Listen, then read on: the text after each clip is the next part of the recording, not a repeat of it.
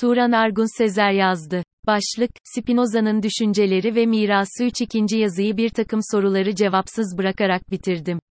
İlk önce soruların bir dökümünü yapalım, sonra bunlara Spinoza'nın ne gibi cevaplar verebileceğini araştıralım.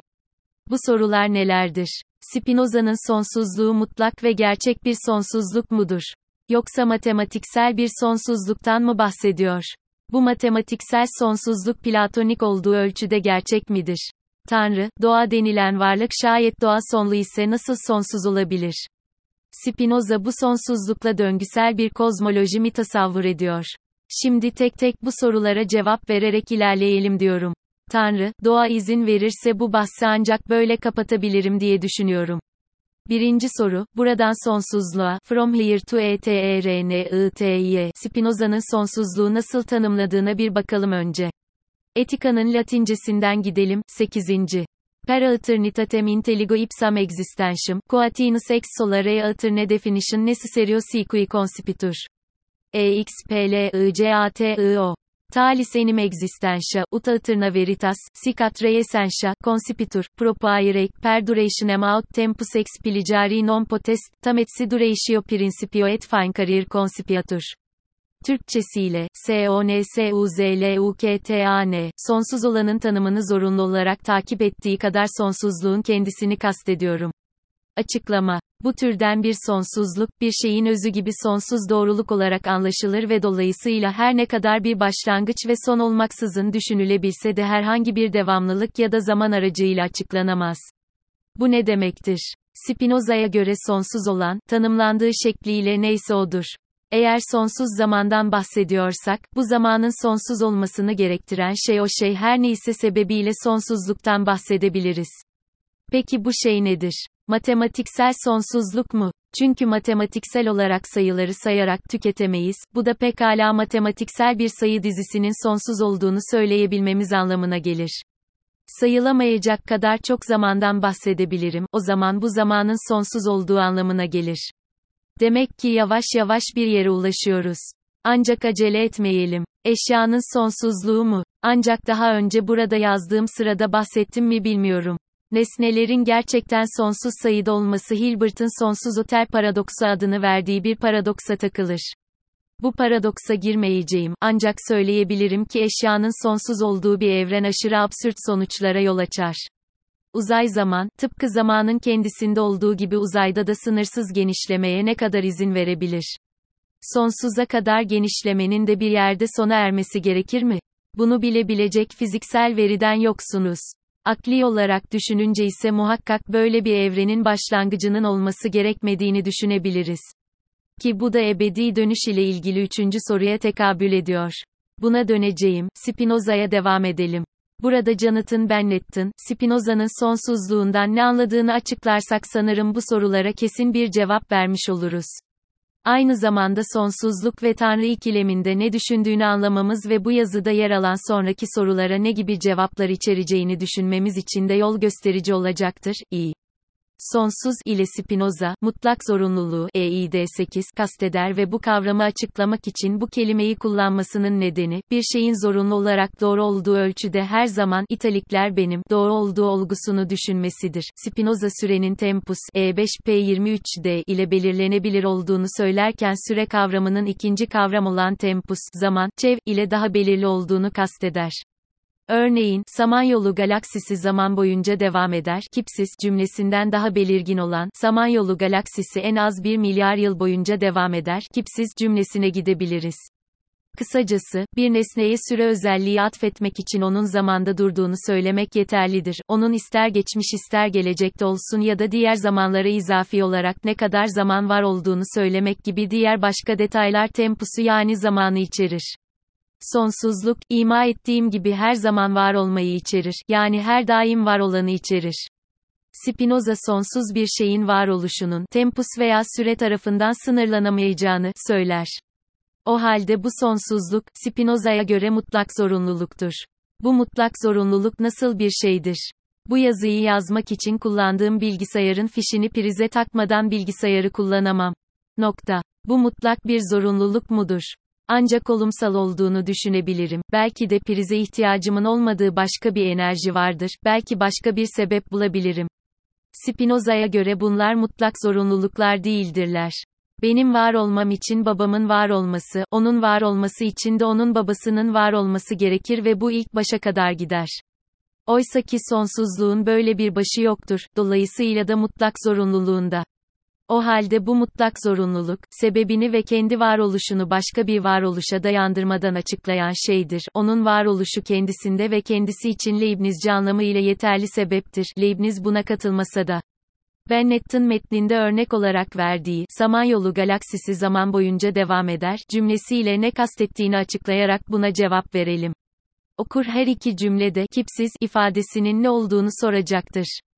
Kip, tıpkı dil bilimde kullanıldığı gibi, belirli bir cümledeki zaman zarfının ne olduğunu ifade eden yapıdır. Spinoza'nın kipsiz, kimi zaman felsefe literatüründe detensed ya da tenseless, zaman anlayışını savunduğunu söylemek mümkündür. Kipsiz zaman ne demektir? Zamanı belirli zarflarla ifade ederiz. Dün işteydim, bugün yağmur yağıyor gibi. İşte bunlar kipli ifadelerdir. Zamanı anlamak için bunları söyleriz. İşteydim dersem bu da kipli bir ifade olabilir. Ancak ne zaman işteydim? Dün mü bugün mü? iki hafta önce mi? Kipler zamanı ifade eden ve onu adeta tanımlayan dilsel yapılardır. Hepimizin Türkçe ya da yabancı dil bilgisi kitaplarından bildiğimiz gibi kipler geçmiş, gelecek ve şimdiki zaman sentakslarını kurmamıza yardımcı olurlar. Ancak Spinoza'nın felsefi dehası bu kiplerin zamanı tanımlamakta işe yaradığı kadar onu anlamamızı ne kadar önlediğini göstermiştir. Zira Kipler tıpkı kendi saçından tutup kendisini havaya kaldırmaya çalışan Baron Münchhausen gibidir. Çünkü dün, bugün ve geleceğe ait tanımlamalar zamana ilişkin pek çok paradoksa yol açar. Zamanın bir illüzyon olduğu fikri Spinoza'da böyle belirir, bu durumda mutlak zorunluluğun zamanın içinde olmaması gerekir. Bu durumda Spinoza'nın neden aşağıdaki gibi düşündüğü anlaşılır. Prop 20. Tanrı'nın varoluşu ve özü birdir ve aynı şeydir. Kanıt. Tanrı, önceki proptaki gibi veya onun tüm nitelikleri sonsuzdur. Tanım 8 gereği, yani onun tüm nitelikleri varoluşu açıklar. O halde Tanrı'nın sonsuz özünü açıklayan aynı nitelikler aynı zamanda onun sonsuz varoluşunu da açıklar ki bu da onun varoluşu olduğu kadar Tanrı'nın özünü oluşturur ve bunun sonucunda onun varoluşu ve özü birdir. Q, E, 500. bunun zorunlu sonucu olarak da Tanrı'nın bu özelliklerinin zamansız ve kipsiz bir alemde var olduğunu ve değişiklikten kesinlikle etkilenmeyeceğini söyleyebiliriz. O halde Spinoza'nın Tanrısı gerçek bir mutlak zorunluluktur ve her daim vardır. Değişikliklerden etkilenmez. Bunun sonucu olarak da Tanrı'nın zorunlu doğru olduğu kadar gerçek olduğunu da söylemeliyiz. Spinoza'nın geometrik sisteminde, mor geometriko, Tanrı'nın matematiksel ifadesi budur, ama bu aynı zamanda onun varoluşsal gerçekliğini de önceler. İlk soruyu anladığımızı düşünüyorum. İkinci soruya geçelim. İkinci soru, doğa vesaire. Tanrı tabii ki Spinoza'ya göre doğa Tanrı'ya karşı değildir. Spinoza bu ikinci sorunun başlığında olduğu gibi düşünmezdi. Ancak bundan, doğa ve Tanrı birdir, önermesi sonucu çıkar mı? Ben bu konuda hala ikilemdeyim ancak Bennett'in yorumunun bize bu bölümde yararlı olacağını düşünüyorum. Bennett'tan aktarırsak, geriye kalan tek çetrefilli soru, Spinoza'nın bu zamansal kavramların hangilerini Tanrı veya doğaya uygulamak istediğiyle ilgilidir. Onun erken dönem metafiziksel düşüncelerinde, Descartes'in, felsefenin ilkeleri, ne ek olarak yayınlanmıştır, demiştir ki Tanrı'nın herhangi bir süresi yoktur ki bu da evrene hiçbir zamansal kavramın uygulanamayacağı anlamına gelir bunun için oluşturduğu gerekçeler kötüdür ve fikrini etikte değiştirmiş gibidir. Tanrı'ya sonsuzluk atfettiği düşünüldüğünde şüphesiz ki Tanrı'ya süre atfetmek için yola çıkmıştır çünkü sonsuzluk zorunlu olarak daimi olarak var olmadır ki bu da özel bir süre durumudur. Burada bence İngilizce çevirisinde çok başarılı bulmadığım Spinoza'nın 29. Propunun latincesine bakalım diyorum. PROP 29. Quid quid mens subspecie alternitation intelligit, id exeo non intelligit, quod corporis presentem actualem existentium concipit, sed exeo, quod corporis essentium concipit subspecie alternitation. Türkçesi, PROP 29. Nokta. Zihnin sonsuzluk kisvesi altında anladığı şey nesnenin şimdi olduğu ve aktüel bir varoluşu kapsadığı değildir fakat sonsuzluk açısından nesnenin özünü taşıdığıdır. İşte burada Hegel'in insanın ve diğer her bilinçli varlığın Tanrı olması ile ilgili sorusuna olumsuz bir cevap verilebileceği anlaşılıyor. İkinci yazıda Hegel'in insanların ve her şeyin Tanrı'nın sonsuz niteliğinden pay alarak, aslında Tanrı'nın bir nevi, paydaş olduğu ve dolayısıyla da Hegel'in ifadesiyle Spinoza'ya göre, bireysel insan Tanrı'dır, önermesinin doğru olduğunu düşünmüyorum. Şöyle açalım, Tanrı, doğadır. İnsan da doğanın parçasıdır. O halde insan Tanrı'dır. Çıkarımı yanlış bir çıkarımdır. Örneğin bir bilgisayarın işlemcisi onun parçasıdır. Bilgisayarın çalışması için tüm nitelikleri ortak olarak taşır ancak bu bilgisayarın kendisi değildir. İşlemci, her ne kadar önemli olursa olsun, bilgisayarı çalıştırması gereken diğer parçalar, anakart, sabit sürücü, bellek vesaire olmaksızın bir şey ifade etmez. Bir şeyin parçası olan şey içinde katkı olarak bulunduğu bütünün kendisi değildir. Bunu Russell da küme teorisiyle ispat etmiştir. Bir kümenin öğesi o kümenin tanımlanması için yeterli tanımlamayı verebilir. Bir işlemciden bahsettiğimizde, bilgisayar parçasından bahsettiğim anlaşılır. Ancak, o kümenin kendisini içermez.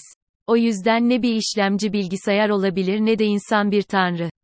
İnsan bu yüzden bir parça olabilir ama tanrı olmaz. Bu sebeple Spinoza'nın sisteminde insanın ve doğanın tanrılığı içerdiği fikri, onun aslında doğanın ve insanın tanrısallığına yaptığı vurgunun kafa karışıklığıyla yapılmış bir yorumudur. Bunu özellikle italik belirttim. Çünkü bu konuya Spinoza'nın metafizik ve teolojisini bitirdikten sonra ileriki yazılarda döneceğim. Bu aynı zamanda Spinoza'nın 49. propunun kanıtında açıkça ortaya koyduğu bir önermedir. Prop 49. Zihinde herhangi bir irade yani olumlama veya ret yoktur. Bir fikri o fikir bir fikir olarak oldukça içermesi hariç, ilk olarak bu bize sadece Tanrı'nın iradesiyle davrandığımızı, ilahi doğanın katılımcıları olduğumuzu ve eylemlerimiz ne kadar kusursuzsa Tanrı'yı o kadar iyi anladığımızı öğretir. Bu doktrin vasıtasıyla zihnin sükuna ermesinin yanı sıra en yüksek mutluluk ve kutsallığımızı oluşturan şeyin yani sadece Tanrı'nın bilgisinin ne olduğunu öğretir ve bu sayede inanç ve aşk ile uyumlu şeyleri eylemeye zorlar. Buradan da insanın aslında Tanrı olmadığı ama tanrısal olabileceği sonucunun ortaya çıkacağını düşünüyorum. Esasında Spinoza etikte çok farklı yerlerde bunu anıştırmaktadır ama konuyu uzatmamak açısından bence bu yeterli. Buraya kadar ki cevap insanın doğanın parçası olarak Tanrı olup olmadığına ilişkin genel soruyu cevaplıyordu. Ancak ikinci sorunun asli kısmını atlamayalım. Benim fikrimce doğanın Tanrı'dan gelen sonsuzluğu meselesi çok farklı okunması ve üzerinde düşünülmesi gereken bir sorundur. Burada başka kimseyi araya sokmadan kendi fikrimi söyleyeceğim. Belki ate, ateist spinozistler bu fikrimi beğenmeyeceklerdir. Ancak felsefe kozmetik amaçlarla yapılmaz. Spinoza'yı doğru okuyorsam eğer, prop 10. tözün varlığı insanın özüyle ilgili değildir. Başka bir deyişle, töz bir insanın aktüel varlığını oluşturmaz. Not. Herkes kabul etmelidir ki hiçbir şey tanrısız var olamaz ya da düşünülemez. Herkes Tanrı'nın hem özü hem de varoluşu itibarıyla tüm eşyanın tek ve biricik sebebi olduğunda mutabıktır. Yani Tanrı sadece şeylerin meydana gelmesi itibarıyla değil, secundum fiiri, fakat onların özü itibarıyla da onların sebebidir. Secundum esse. Benim fikrimce doğanın tanrılığı da aynı şekilde insanın tanrısallığı ile birlikte ele alınmalıdır. Spinoza'nın bu konudaki ketumluğu da kesin bir sonuca varmayı imkansız kılmaktadır. Ancak benim görüşüme göre Tanrı ve doğanın ayrılamamasının sebebi Spinoza'nın bilgi ve varlık arasındaki ikilemi mistik bir imgelemde saklaması olarak yorumlanabilir. Lee Rice'dan atıf yaparsak, yine de diğerleri Spinoza'nın sistemiyle Yahudi veya Neoplatoncu mistik geleneklerin uyumluluğunda şüphe bulmaya çabalamıştır. Hiçbiri, etikte sonradan varılan şu kavrama Spinoza'nın önceki duygulanış, sevgi veya onun genel bilgi bölümlemesi hakkındaki şu kavramına varamamıştır. Spinoza X3'te, bölüm 2, aksiyom 3, hatırlatır, aşk, tutku veya hangi isimle anılan duygulanım olursa olsun, bunlar, bunları ilişkin sevilen, tutku duyulan ve benzeri şeyin fikri olmaksızın oluşmaz. Fakat ide, başka düşünce modları oluşmaksızın var olabilir. Nokta. Ben de burada Spinoza'nın kavramsal çatısının altında bir neoplatoncu yapının olduğu su götürmez.